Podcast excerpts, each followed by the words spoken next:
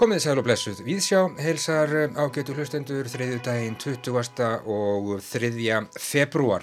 Forritun og rámdýr myndlist, nýlöndu fortíð og söpn, ótímabær vorkoma og stól í Víðsjá í dag.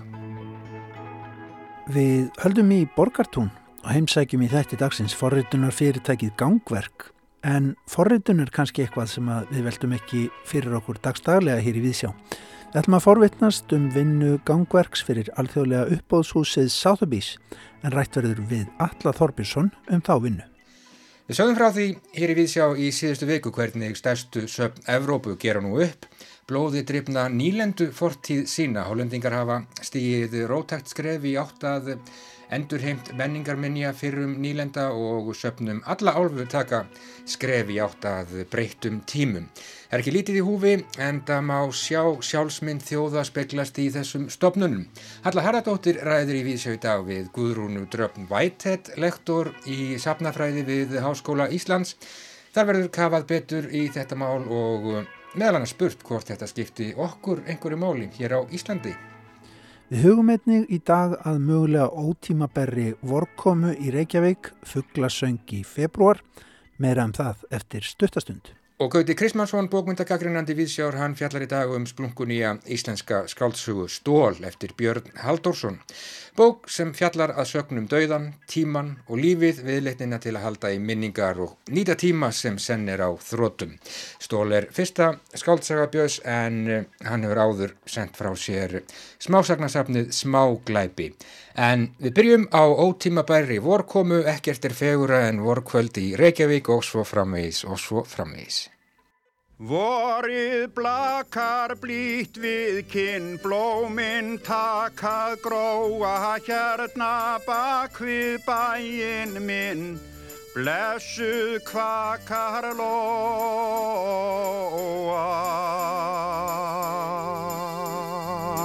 Balance un œil sur cette ville éternelle, bleu-gris, qu'importe le ciel, quel que soit l'enthousiasme ou la couleur des larmes, de plus en plus je me rappelle.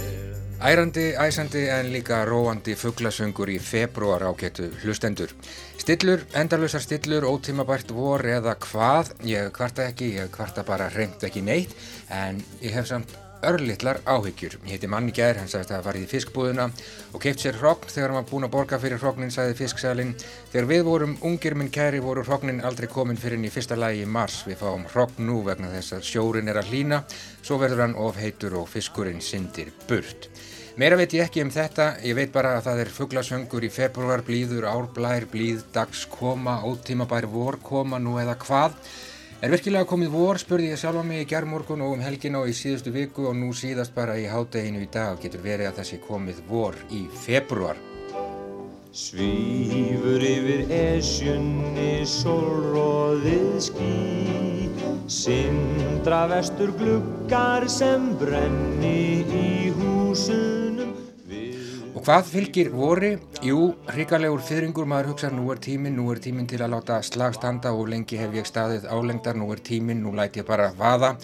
Vorkomu fylgir ekki bara óróði eins og í kvæðinu heldur líka órar svífur yfir esjunni, sólróði, skísindra vestur glukkar sem bremni í húsónum, viðmjúk stríkur vangan á vorgólan hlý, agrafjall og skarðseiði eins og fjólubláir draumar, ekkert er fegur en vorkvöld í Reykjavík og svo framvegis. En er eitthvað hægt að lesa í þessa ótímabæru vorkomu, getur verið að það sé einhver þarna uppið að fokka í fjárstyringunni. Ætti maður að vera órólegur yfir þessu, jáfnvel missa svepp, vor í februar, sumar í mars, haust í apríl, vetur í mæði, hvað veit maður, þetta eru skrítnir tímar. Í fréttablaðinu um helginna byrtist grein undir fyrirsögninni líst verði yfir neyðar ástandi vegna nattarætnar hlínunar en þar var frá því greint að ungir umhverfisinnar, stúdendaráð, Háskóla Íslands og landsamtök íslenskra stúdenda krefjist þess að stjórnvöld taki lofslagsmálinn jafn föstum tökum og COVID-19. Ungir umhverfisinnar funduðu léttklættir á Östurvelli já í blíðskapara veðri á föstudag og um ítrekkuðu kröfu sína í greininni í frettablaðinu meðal hann að saft eftir Eilinu Björk Jónasdóttur veðurfræðingi á Veðurstofu Íslands að hitast því í höfuborginni í februar hafi verið 1,58 gráður á Celsius yfir meðaltali með að við þið svo kallaða nýja hlýja meðaltal 1991 til 2020. Já, blíðskaparveður í Reykjavík dag eftir dag endalausar stillur stundum sólskinn ég kvarta ekki yfir þessu, hreint ekki, en hugsa mitt stundum. Ég finn að ég verði ekki róni ágætu hlustendur fyrir en ég hitti Trausta Jónsson veðurfræðingu, skulum breið okkur sem snöggvast í blíð viðrinu í öskuhlýðina. Þar er veðurstofa Íslands og þar er Trausti. Love Paris in the springtime Trausti Jónsson, um, ótímabært vor er, er ykkur ástæð til að hafa áhyggjur? Já, alþýðisbökin segir það. En um, það er aldrei skrítið að ég er aldrei í spórum Jóns Eithússonar núna því að 1964, bara þessa daga, þá hafði morgunblæðið viðtalið hann og um einmitt ótímabært vor. Og uh, það vil svo til að Jón var þarna að ljúka sínum starfsfelli hér á veðastofunni og ég sitt einmitt í þeim sporum núna og svara einlega svömmu spurningum. Já. og Jón kvartaði undan því hvað, menna, hvað veður minni manna væri slemt og ég get bara gert hans orð að mínum Já. og við erum eiginlega sko jafngamlir á þessum, þessum sama tíma á þessu sama, þessu sömu góðu þarna fyrir, fyrir, Hvað, 55 árum? já, við erum til 50 og hvað, 7 árum, Sjö 7 árum, árum, 7 árum, já, já, En hvað um það, þá var sérlega góð vetur, hann var reyndar ennþá lýrihaldur en núna. En árið áður uh, var líka lýrvetur, en þá, og gróður fór mjög snemma stað, og þá hefndist fyrir blíðuna, sko. Það kom þetta fræga páskaritt hann 1963, þannig að blaðamennu morgunblassins og hlera fólki sem þó þráttur allt mundu eftir árun áður, og einhverjir, að þeim leist bara ekkert að þetta. Og, og svo er þess að og þetta er svona og það talaði góðu gróður sem eitthvað svona uh, já, hverfult fyrirbriði það var oft sést í skáldskap sko Já.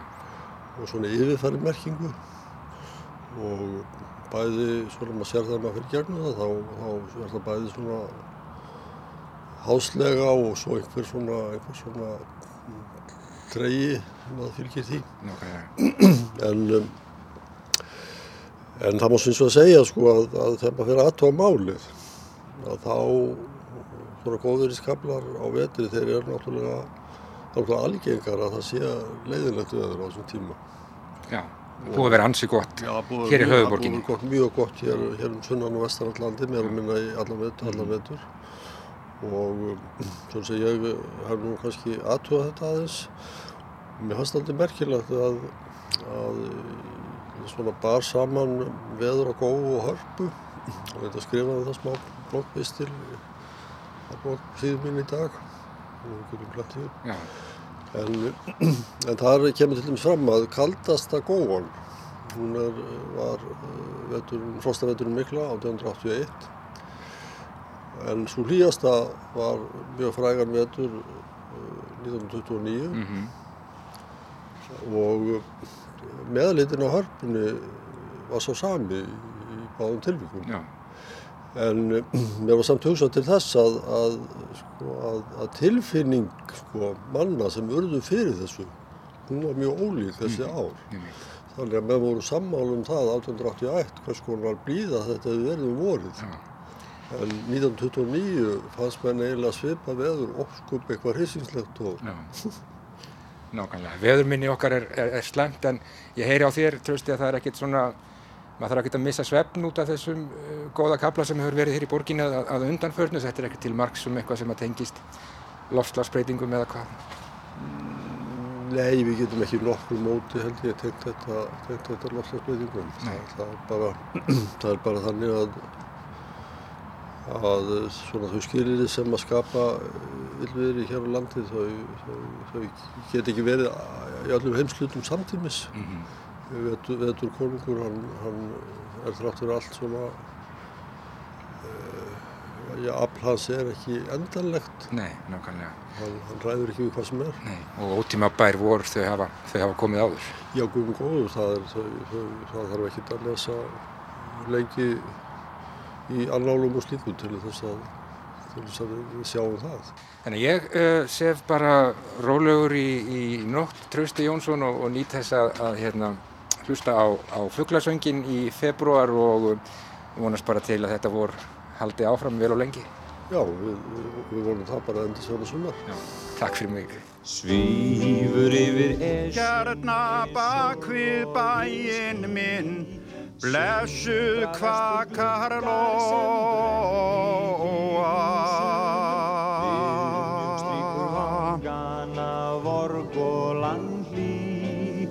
Vaknar ástar þráinn í brjóstum á ný. Kist á miðju stræti er kona ung og heit. Keirar útinn piltar sem er í stelpu leit Akra fjall og skarðsheiði eins og fjólubláir draumar. Ekkert er fegur en vorkvöld í Reykjavík.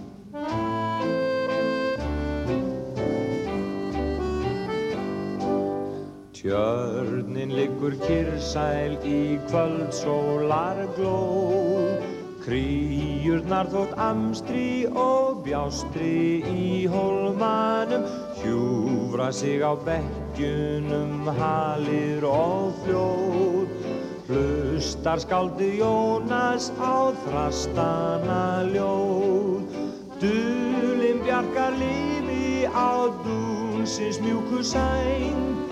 Dottar handa móðir með væng Akra fjall og skarðsheiði eins og fjólubláir draumar. Ekkert er fegur en vorkvöld í Reykjavík. Já, ekkert er fegura en vorkvöld í Reykjavík söng Ragnar Bjarnason á sínum tíma.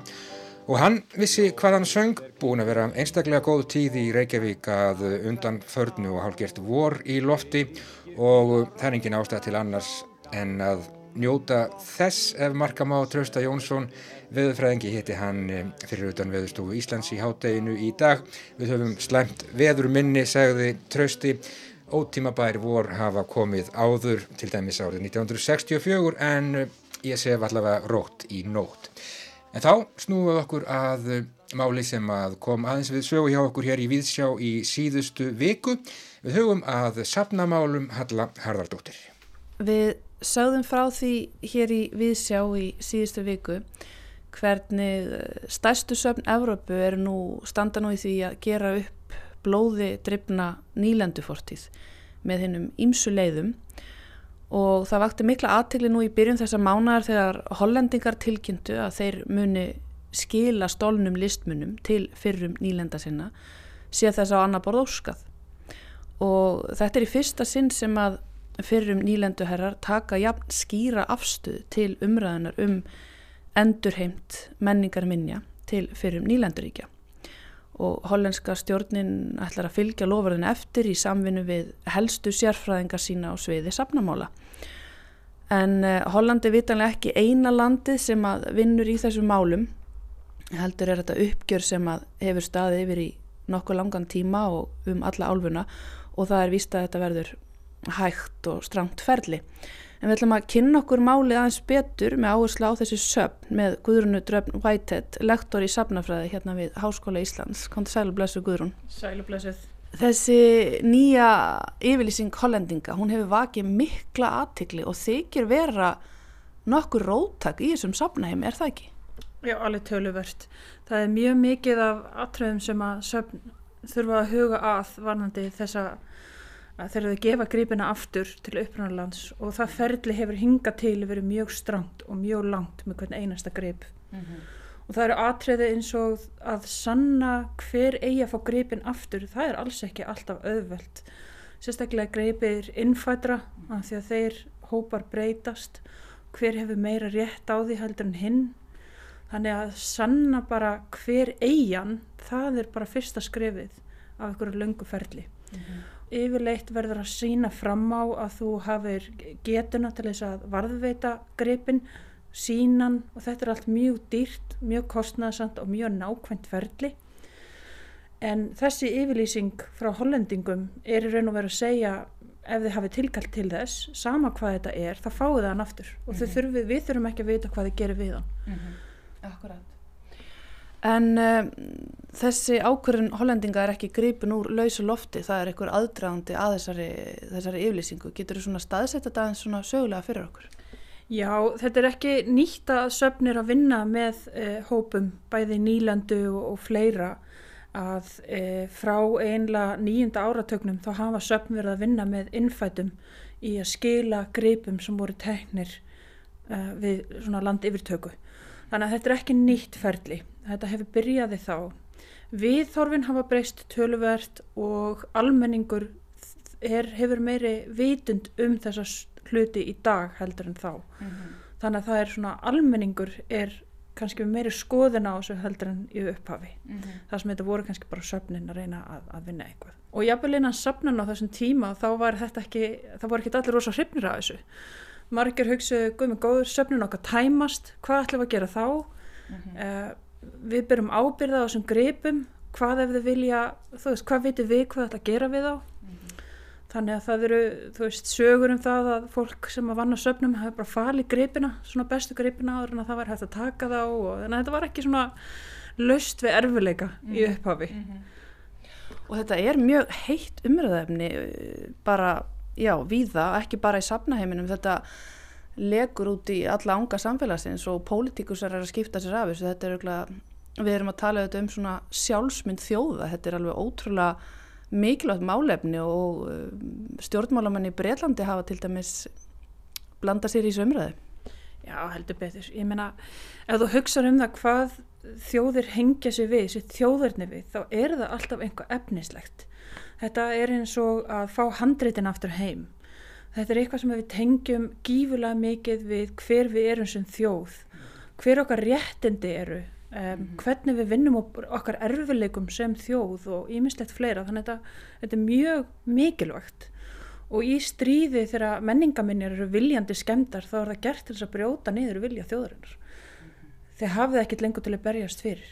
Þannig að þetta er, þetta er, þetta er rosalega tilfinningasemi og er líka fyrir þjóðir sem að eins og Breitland og Holland og fleiri að þá er þetta merkið um einhvern tíma sem að er náttúrulega gífulega erfiður en það fylgir því kannski eitthvað örlítið kannski stolt líka að þetta er, þetta er eitthvað sem að við erum orðin eitthvað meira heldur en bara brestsafn, við erum orðin alþjóðleitt safn, við erum merkið um eitthvað, eitthvað svona alþjóðleika og fleira, en auðvitað þá líta sögur löndin ekkert eins á þetta þau hugsa okkur er þessi gripur í Breitlandi þegar við eigum hann að sjálfsögðu og Breitland er sérstaklega yfirfullt af eh, menningar vermetum annara þjóða og það var í raun yfirlýst stefna breska heimsveldisins að já, sanka að sér munum frá nýlendunum eh, flokka þær og skrá og svona útskýra munina fyrir okkur Já. það fælst svo mikið lítilekkun í þessu, finnst þið það ekki? Já. Að því að þau eru að segja við vitum hvað skiptir máli í ykkar landi. Þið eru einhvern veginn svolítið óþróa ríki og við tökum yfir og við sínum eitthvað hvernig nútíminn á að vera. Og við pössum upp á ykkar fortíð fyrir ykkar hönd af því þið hafið ekki getuna til þess. Þannig að, og, og það þarf að muna eftir því að þetta er ekki bara eins og listaverk sem um ræðir, þetta eru líkamsleifar. Og það er gífulega erfiður kapituli og, og lögin í kringum það er rosalega loðin. Og, og bara mjög ólíka melli landa. Þannig að hvað ef þú ert að sapna gripum sem að voru rænd úr gröf um, og þú ert að sína þau á sapni um, er það raunverulega siðferðislega rétt? Þetta er auðvitað og það skiptir auðvitað ótrúlega miklu máli líka hvernig hlutir eru settið fram, hvað stendur við hlutina. Söfnaði fengi mikla gaggrinni fyrir það að einmitt framan gera menningavermeti, annara þjóða, líkamsleifar í glerkössum og svo er kannski bara lítill miði sem stendur á tvær setningar og ekkert meira, ekkert sett í neitt samingi. Þetta auðvitað skiptir svakalegu máli hvernig framsetningin er. Já, heldur betur. Það þarf að setja hlutinu í samhengi. Þannig að það þarf að hugsa, við erum með hennan sapkost, við eigum hann, eigum við að setja hann í gemslu og láta eins og ekkert hafi í skorist, eða eigum við að sína hann á eitthvað krítiskan hátt. Eigum við að bara horfa í augliti fyrir þess að við erum með stólnagripi viðsvegur úr heiminum og, og að þeir endurspegli okkar sögu líka og okkar viðhorga hvort öðrum löndum Mhm. og að geta sínt það á einhvern gaggrinin hátt, það skiptir mjög miklu máli. Akkurat. Uh, ef við tölum aðeins frekar um Breitland þar sem að, já, stjórnmálamenn hafa töluvert skipt sér umræðinu, þá eru sumsöfn í mikilli gaggrinni sjálfskoðun og þar er kannski eitt safn fremst í flokki, safn, eh, er það ekki bara stærsta mm, svona etnografíska safnið í Englandi, Pitt River Museum í Oxford? Jú, það er gífulega stórt safn og það er safn sem er svolítið sérstakt af því að uppsetningin er mjög svona klassísk 19. aldar safn með glerkassum, mjög mikið hlutum, skýringatakstarnir eru mjög mínimalískir og það er mjög mikil framhandgerfing, mjög mikil framhandgerfing og þeir eru með greipi sem að hafa valdið und, undanfarið mjög miklum svona siðferðislegum áhyggjum varðandi þessa framhandgerfingu getur við réttlætt þetta lengur Nú, safnið hefur hugað að því, hugsað að breyta síningunni en fekk mjög neikvað viðbröð við þeim upp á stungum. Þannig að fólk vil sjá safnið svona. Þannig að en á saman tíma þá vilja þau mjög mikið vinna með fólki og hafa verið mjög virk í þessu samtali við nýlendunar um aðgengi að greipunum og, og samtal um að skila og, og hvað þið geta haldið. Þetta er alltaf svolítið samtal og um leið og samtalið er opið og, og byggt á einhverju jafnrétti þá finnst mér það í lagi og þau hafa verið mjög duglega við það. Og kannski að því að almenningur er líka meðvitar um þessu mál þá er ennþá meiri drivkraftur í því. Þannig að þau hafa verið að taka niður greipi sem að þóttu lengi vel eh, bara vera spennandi af almenningi en svo byrjaði að sjá það í dag hva, hvað er verið að sína raunverulega. eins og þessi höfuð sem að voru eitt helsta aðdráttarafl sapsins uh, sem að sapni hefur nú ákveðið að uh, bara setja hún í geimslu eða ekki? Jú, það er sett hann í geimslu til að byrja með og þau eru í raun og veru að vinna að þessu samtali um hver eigi að fá gripina aftur. Af því það er eins og ég segi, það er ekki alltaf auðvelt ákveða það hver, hvert eignarhaldið ætti að vera. Þannig að þau eru að hefja samtali um að skila gripunum aftur og þanga til þá eru, eru höfuðin sett í geimslu og það er miði ef ég mann rétt sem að segir okkur að gripinir voru teknir niður af því að það þótti siðferðislega rangt að sína þá. Þannig að þau eru með eitthvað opið samtal um það.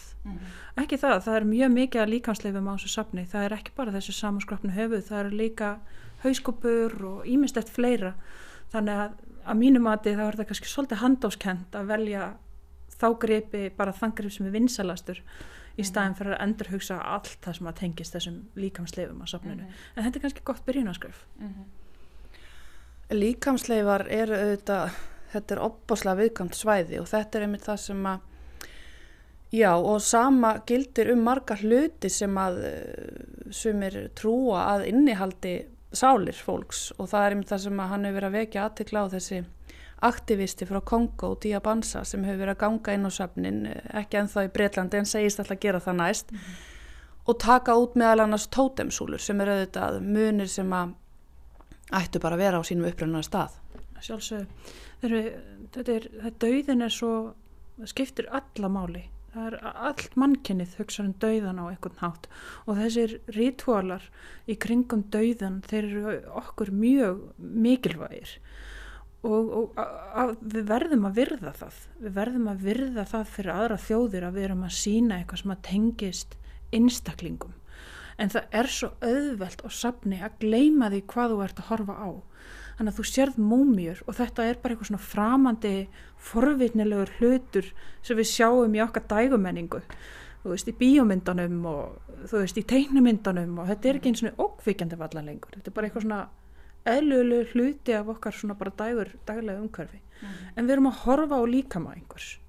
Við erum að horfa á líkama einhvers innstaklings á safni í glerkassa og er það eðlilegt að það skulle vera bara við hliðin á og hugsa á sama hátt og, og bara þú veist borðið eða vasi eða einhvað Akkurat og svo er einmitt líka verið bent á uh, þessa nýðulægingu sem það myndist á áðan. Það er verið að ekki bara framand gera þessa menningu heldur svona, mm, já, oft teiknanu upp sem einhvers konar villimennsku. Já, þetta er svolítið úrrelt sjónamið. Þetta er sjónamið náttúrulega bara nýlendunar.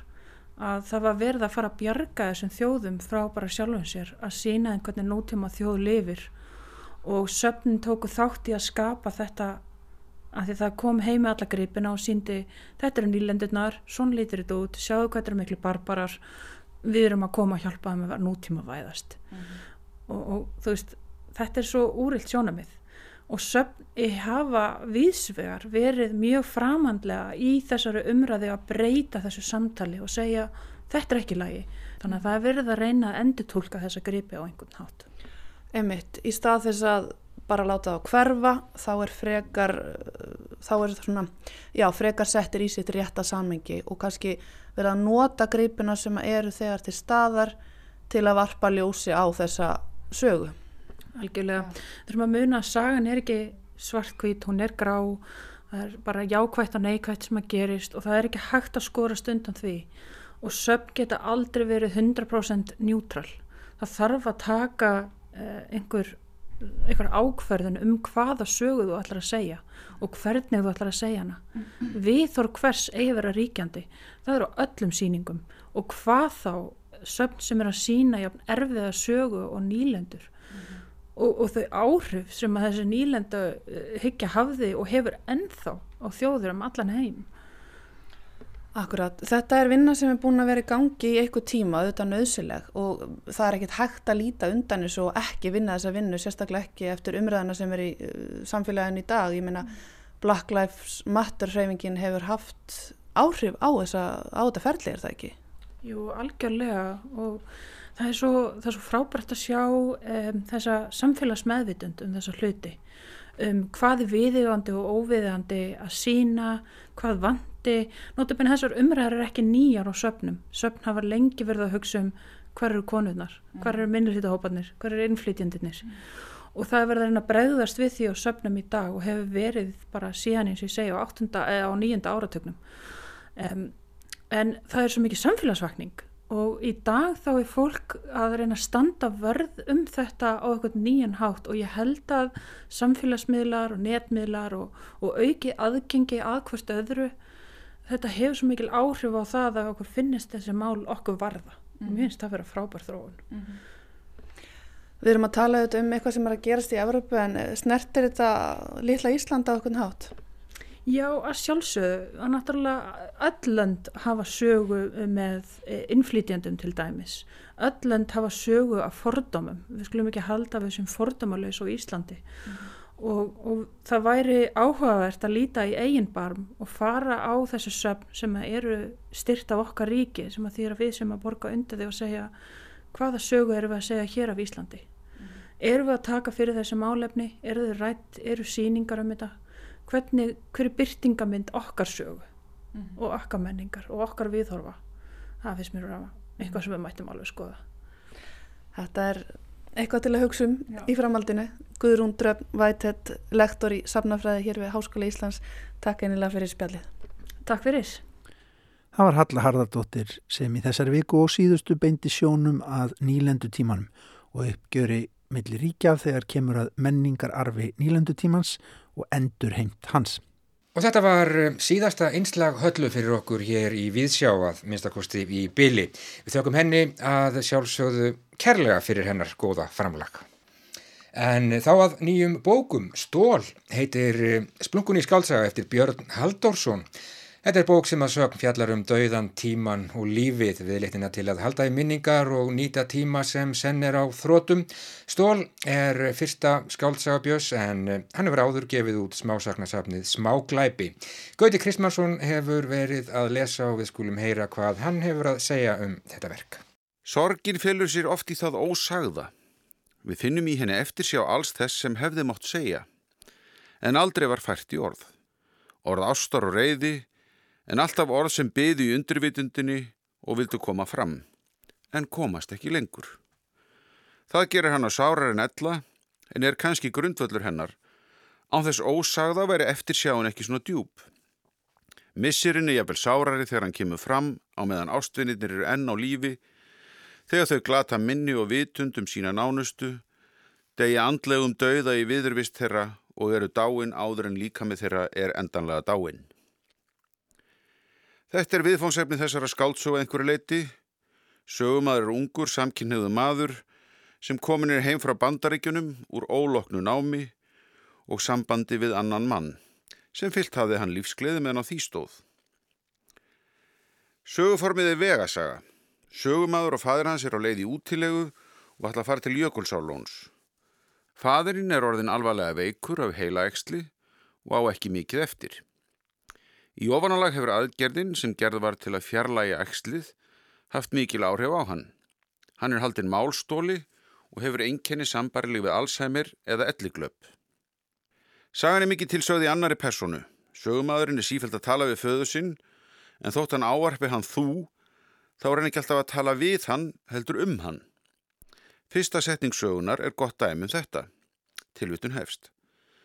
Við erum alla komnur úr bænum þegar þú þarfst að pissa. Tilvitun líkur. Bein samtölmiðli feðgana eru hins vegar innan gæsalappa eins og hefðbundið er. Þessi aðferð gefur sögumanni færi á að segja margt sem hann hefur kannski átt erfitt með að segja eða getur ekki sagt vegna ástands föðu síns. Hann er að reyna að nálgast föðu sinn en er um leið þrúaður af samvinskupiti vegna þess að það er orðið á sent að þeir virðist. Þetta er þriðja feðrasagan sem ég les á þessum vetri. Hinnur voru döiði skóar eftir Jónas Reyni Gunnarsson og aprílsólakuldi eftir Eilisabetu Jökulstóttur en þar er einnig döiði föðurins eitt af megin viðfangsefnunum. Þótt alla þessar sögur séu ólíkar, þá er í þeim þetta tvíbenda uppgjör við föðurinn, í senn ásakandi og sakbyttið. Á þess að ég vilji búa til eitthvað trend vöknuðu líka hörinningatengslu nokkur verk kvenna frá síðari árum sem snýrust um uppgjör við móðurina. Fóreldra okkar eru slíkir áhrifavaldar í lífinu að engan skildi undra að skrifa sér um þetta. Þau hefa slík tök á lífu okkar frá upphafi og við komumst að því á einhverjum tíma að þau eru hluti af okkur, hvað sem okkur líkar það betur eða verð. Einhverju sinni skrifaði fröytistinn Erik Byrne eitthvað á þáleið að í bernsku sæjum við foreldra okkar sem góðsögulegar verur og að þessar verur skrifi handritið að sjálfu okkar með þeim sögum sem þær segja okkur. Þessi saga snýst þó enga megin um föðumorðið í anda fröyts. Jafnvel þó að rofið millir föðurins og sonarins og unglingsárunum hafi einmitt átt sér stað þegar þeir voru að leiði í sína árlegu útilegu, rétt eins og sagt er frá í þessari sögu. Sjónarhóttnið er miklu fremur á missin, stólið og kannski er ungi maðurinn alveg eins í uppgjöru við sjálfan sig, hann átt að segja á því að þótt fadir hans eigi eitthvað í honum, þá er strandið í hans eigin lífi honum sjálfum að kenna. Þótt formsögunar sé einfalt í sjálfu sér, vegasaga sem gerist á nokkrum dögum í réttri tímaröð, þá þjóna endurlit og vangaveltur sögumans um sig og aðra hans nánustu þeim tilgangi að fylla upp í myndin af lífi aðalpersonunar og fjölskyldu hans. Þetta er raunsæ og nokkuð gethekk mynd. Það er engar drastískar personur, engar mistrýmingar eða áföll, þetta er venjulegt miðstjættar fólk sem ekki stendur fyrir neinum óskopum. Vissulegur átök, fóreldra drengsins skildu þegar hann var ungur og hugsanlega er það áfall, en það hendir meiri hlut að batna í þessu samfélagi held ég. Engur tíma var sagt að með minnir að stjúpfjölskyldan veri algengasta fjölskylduform samtímans á Íslandi. Byggingsögunar er vel og kunnáttursanlega gerð. Endurlitin og vangavelturnar þjóna einnig sem frásagnartöf þar sem við býðum eftir framvindu sögunar. Og það tekst að gera hana nokkuð spennandi, ekki síst í öðrum hluta af þremur, þegar þeir feðgar álpast á fjallabæksleið síðri á heimliðinni og þar tengir höfundur frásögnina við þekkt minni í íslenski sögu og býr til flækjur og drama sem næra allar góðar sögur. En sögubyggingin er einnig mjög klassísk, hún byrjar í miðjum klíðum, er með upphaf, ris í miðju og endi þar sem lokað er á ferlinn sem vakin er í frásögninni.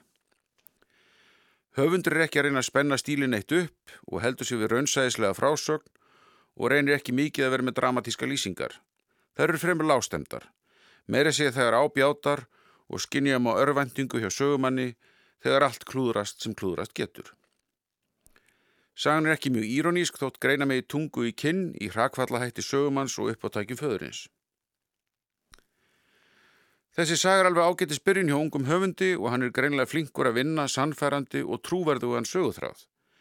En á móti fer kannski ekki mikið fyrir neitt tilraunamennsku eða mjög mörguðum personum eins og farið hafi verið að ráðum Rólands Barts í fræri bók sem heitir Skrifað við núlpunkt, þar sem hann kallar eftir áreinsluleusum stíl í skaldskap.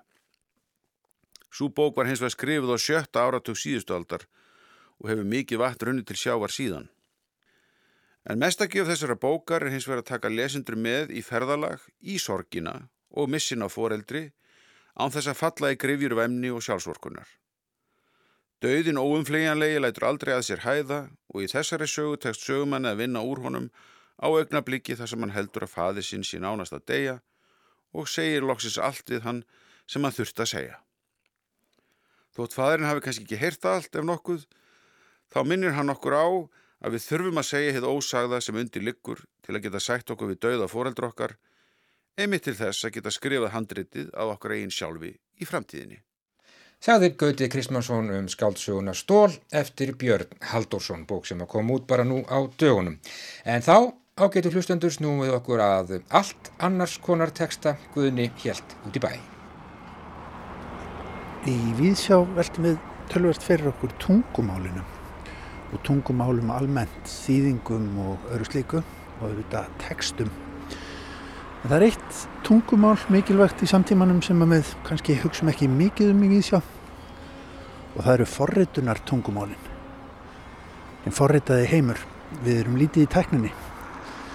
Þú maður bregða aðeins út á því í dag við erum að sniklast hér að mótni til í borgartúnunu sem eru margskonar fyrirtæki eins og fólk veit.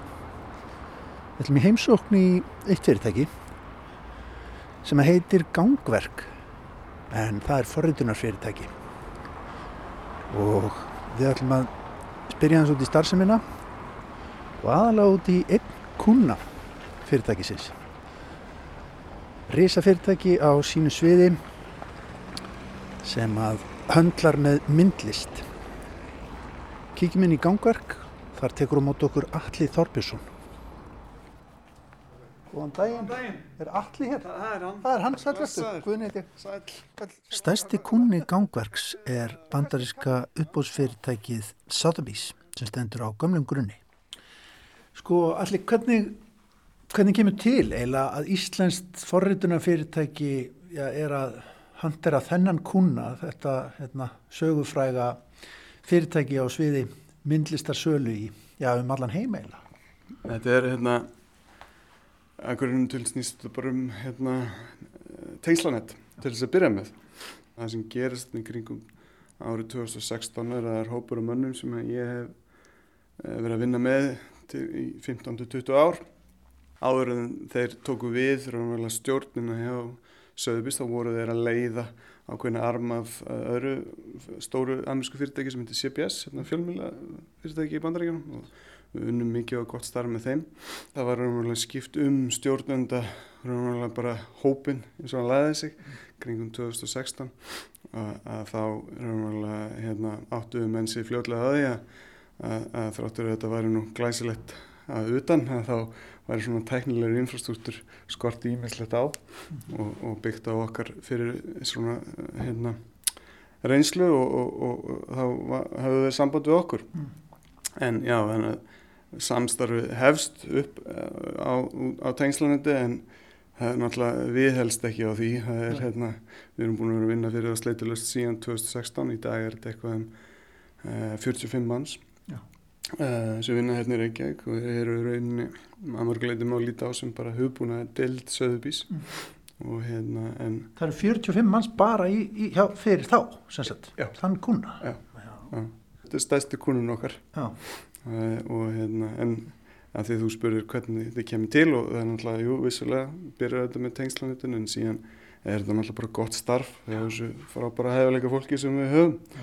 sem að hérna gera verkum að þetta verður lang fram að samstarf og sem sér er hann að vera ekki frendan á mán. Sandro Botticelli's masterpiece, The Young Man Holding a Roundel, one of the most significant portraits of any period ever to appear at auction and a defining work of the Florentine Renaissance. This fabulous work here, the portrait of young man holding a roundel, the fantastic work showing on the screens for you here, the tempera on panel. And we're going to start the bidding here at $70 million now, 70 million. Uppbóðsfyrirtæki Sotheby's er í dag bandarist félag með starfsemi á eitthvað um 80 stöðum í 40 löndum heimsins. Langsýnilegasti og þekktasti hluti starfseminnar er uppbóðshald í raunheimu. En verkin sem að fyrirtækið er með í sölu eru einnig selt með öðrum hætti. Höfustöðar fyrirtækisins eru í New York en starfseminn engar sínileg í Breitlandi, í London, þar sem rætunar liggja og þar sem félagið var stopnað 11. mars árið 1744. Það er rauninni eldri en sko bandaríkin sem að það sem það eru með höfastöður í dag sko. Og það vil oft fylgja þessum fyrirtækjum sem byggja á sterkum grunni að hérna sem, og það sem að hlutinni virka og, og til þess að, að, að fyrirtæki lifi svona lengi þá þarf það að vera laser fókust á það að gera það sem það gerur og, og gera það vel mm -hmm. og fyrir vikið hættir þessu fyrirtæki sem er ekki í eðlísinu tæknifyrirtæki svolítið til þess að leifa því að setjast á hakan mm -hmm. eins og ég myndist á þegar við komum að þessu þá varum við svona tæknilegu infrastruktúri og söðubís eiginlega svolítið svona að stóð svolítið á brauðfótum Þannig að okkar aðkoma að þessu er bara að hjálpa þeim í að breyta sér í alvöru tæknifyrirtæki. Þetta er það sem að ef þú eru eitthvað heyrtum í fjölumilum fólk verður að tala um rafrana umbreytingar. Mm -hmm. Þetta er ekkit annað en það. Yeah. Þannig er verið að aðlaga fyrirtækið að nýju umhverfi og þessi eldri fyrirtæki eins og segi hætti til þess að, að, að vera svolítið sein að grýpa þann bolta. Eða, þú veist, málsins sangvænt, þau eru náttúrulega eru bara í því að eins og þú veist að selja randir málverk til allt og ríkra manna. Og, hérna, og, og þannig að þetta það að, að fylgja nýjustu ströymum í, í tækni heiminum er kannski ekki alveg þeirra forti og það er það sem við hefum hjálpað við. Þessum, þeir koma til okkur með svolítið Uh, rauninni skemmtilegt vandam uh, þeim fannst þetta svo sem ekki skemmtilegt en, en aldurshópurinn hjá þeim meðal aldurs kuna var bara stöðut að hækka. Og þeirra sem kaupa vestla yes, verkinn yes, ja, akkurat. Ja, og hérna við og þau voru svona aðeins fannar að átta sig á því að sumir af þessum yngri kaupundi sem hefði undir venjulegum kringustam sögulega komið til þeirra voru svona fannar að leita annað. Þannig að það var svona kannski pínlítið kveikjana þessu og skemmtilegt að segja frá því að, að ég, hérna, ég held ég farið með rétt mála á, frá því að við höfum komið hérna inn uh, þá, og þangar til í dag þá hefur meðal aldurinn á kunnahóp söðubís lækkað um held ég áratug. Það munar að minna. Það munar að minna. Þetta er bara, í dag er þetta þannig veist, það er verðlaugut fólk vil alveg eins mikið nota símasinn eins, eins og við hinn sko. uh mhm. -huh. og, og það var skemmtilegt hérna aðtök sem átt sér stað núna þessum fyrir söðubís endalega sannaði uh, þessa tilgáttu sem við, við og þessi nýju stjórnundur höfðum uh mhm. -huh. á málunum var þegar að hérna var það var Francis Bacon málverk og nú er ég að slá um mig með hérna listamönnum sem ég þekki ekki sérstaklega vel til sjálfur en, en það var risaverk sem að, uh, hérna var held ég metið á einhverja 40-50 miljónum dólara mm. og það endaði í helgarinnar sko stríði já, milli fyrst tryggja og svo tveggja aðeila mm. og það sem kom uh, söðvis svo skemmtilega óvart var að annar aðeilin var ólíkt öllum öðrum tildalega ungur maður frá Kína sem eh, efnast á einhverju internetbólu sölu mm, mm. og hérna hefði aldrei hitt neitt hjá Söðubís. Hann reynda því miður enda ekki á það að vinna verkið en það var að hans fyrir hann, út af samkjöfni sem hann bjóð til sem að verkið enda á að seljast á einhverju 84 miljón dólar eða eitthvað minni mig og það, svona, það var svona endanlega punkturinn við þarna var maður sem þeir eru aldrei hitt fór bara í gegnum öll þessi, þessi nýju tækjutól sem við erum búin að vera að búa til fyrir Söðubís skráði sig og fór í gegnum hérna, eh, vettunarprósessin og allt svo leys og, og hérna, byrjaði að taka þátt og, og, og það hafði stórkvæslega árið og afkomu Söðubís það árið. 78 million dollars now. Still with Alex Bell in New York head of the European Old Master Pennies Department. There he is, another Englishman in New York at $78 million here. And selling at $78 million now. Lily, give me a bid. It's $78 million here. That's $78 million. Sko, eins og segir, það, þetta er það sem að, maður sér í fjölmilum ef maður fylgist með þessum bransaða. Það er þessi hérna, þessar fáránlegu tölur uh, einhverja allt og ríkra manna eins og segir sem vestla sér hérna, málverkðir nú með hérna, eftirbrendun sem bara uh, af Mark Rothko upp á vegg, hann er nú gott dæmið um það líklega þá allra dýrasta uh, sem að hættir að fá á þessu markaði. En sko hvað með já, eiginlega hlutverkin sem þið eruðu í vegna að þið hljótið að vera að sjá bæði um sko eins og þú segir, frammendan gagvart kúnanum sem að tekur kannski bara upp símansinn og fer að fletta í gegnum hvað eru þeir að bjóða upp á núna ja. og, og svo alls konar utanum hald og bakenda ekki satt og jável, jável sko handering og myndum af þessum mestarverkum og, og, og þar fram til göttum. Við, við erum alveg búin til tólinn sem gerar sem hlutarkastar og tóla er að einfalda líf stafsmanna hjá Söðbís um, um að gera þeim kleift að sem, með þessum skilverkustum hætti koma hlutum á sölu og, og, og kynnaðum með þeim hætti að, að, að, að fólk er líklæri til þess að kaupa og taka þátt. Mm -hmm. Þannig að já, það er helgur en að vinna. Er, ég tala oft um þetta sem sko, er vél sem er umverulega uppbóðsvélinn sem heldur út um stöðuna og, og hverja einstu uppbóði og við smíðum það sem við kallum Hérna, interface eða almennins aðgengi fyrir kaupundur inn í það svo, en við þurfum líka að smíða aðgengi fyrir stafsmenn söðubis sem búa til uppbóðin sem að hérna, kaupundurna taka þátt í. Mm. Stilla í búðina eða? Akkurat já, já, og, og það, það er allt tól sem eru skrifað hér líka sko. Þannig að það er alveg stór partur af þessu og það var einmitt, eitt af, eitt af okkar eh, líka merkust áfangum sko, ég minna það að að árum áður þá, það að koma hlut í sölu og söðubís og að tóka meðaltali sko, það var talið í sko, mörgum mánuðum. Þetta var kannski held, ef ég mann reyrt einhverstaður á bílinu 10-12 mánuður að, að, að meðaltali sem að liðu frá því að hlutur kom inn til söðubís þannig til að hann var aðeins loksins seldur í dag getur þetta bara gerst á, á, á, á auðabræðu sko nánast sko. fyrir leikmann þá eru uppbóður raunverulega tennskonar mm. þú horfður á þetta, þetta er raunverulega þessi þessi online uppbóðsöldi eins og eBay sem er bara, það hlutur er bara að mynda hlut og, og svo er bara einhver, tíma, einhver tími sem að hægst að búið tekið ja. En síðan er það þessi live uppbóð sem við kallum það sem eru þessi leiksýningar sem þú þekkir menn í kvítum hönskum og hamar og allt já, þetta sko. Og bjóða með bortenni spaða og einhver í tölfunni og þetta og já, já, já, það, það er umhverfið bara leiksýning sko. En áður en við komum að þessu þá var Söðbís eiginlega ekkert farið að feta sig út í online heiminn.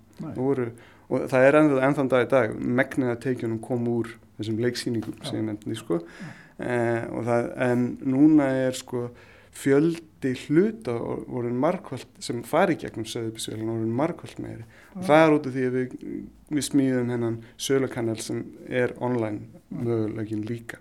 Og það er svo sem bæði það er sem sagt eigur velduna og, og, og, og hérna, lækkar sömulegis aðeins golfið fyrir sögubis. Það er mjög kostnæðasamt að halda upp og eins og svona, svona leiksýningu.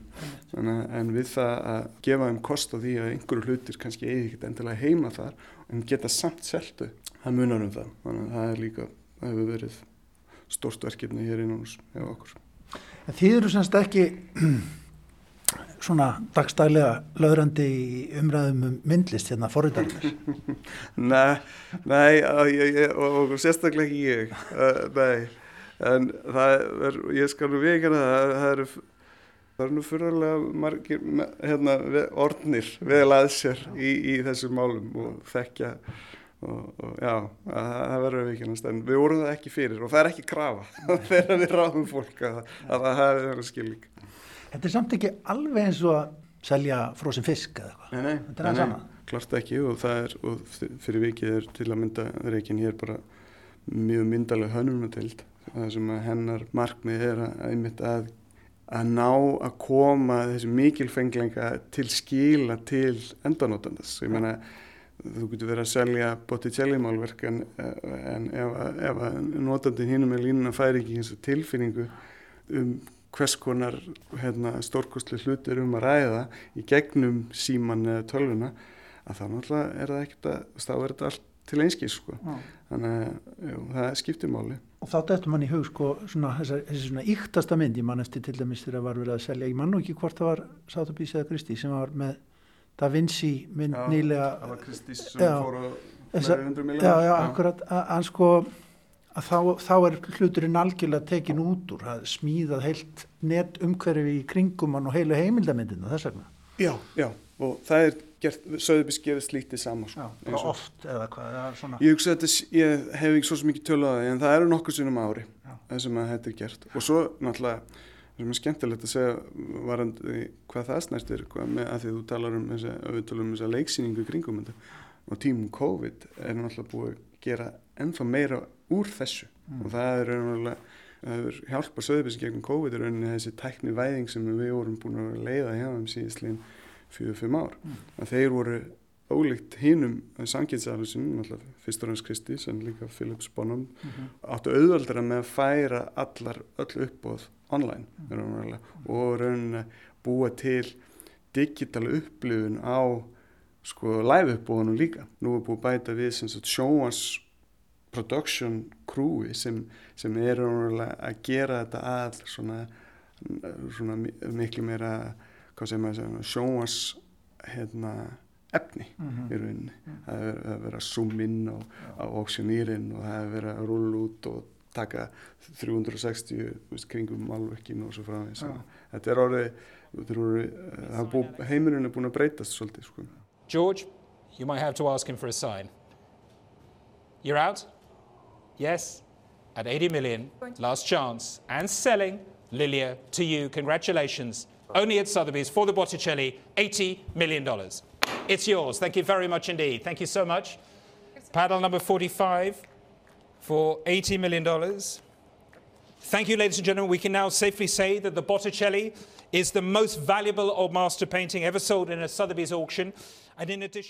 Og þarna heyrðum við hvernig málverkið Ungur maður með platta eftir ítalska enduristnarmálaran Sandro Botticelli var slegið á uppbóði hjá Sotheby's uppbóðshúsinu fyrir um þremur vikum eða svo og var þannig dýrasta verk gamalsmistara sem uppbóðshúsið hefur höndlað með. Slegið á tæpa 12 miljardar íslenskra króna.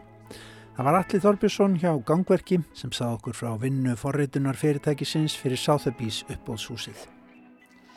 Og svona ljúkum við viðsjá í dag, viðsjá hér aftur á dagskrá á sínum stað, á sínum tíma löst eftir klukkan fjögur á morgun. Takk fyrir samfélgina í dag, kærlega, verið sæl.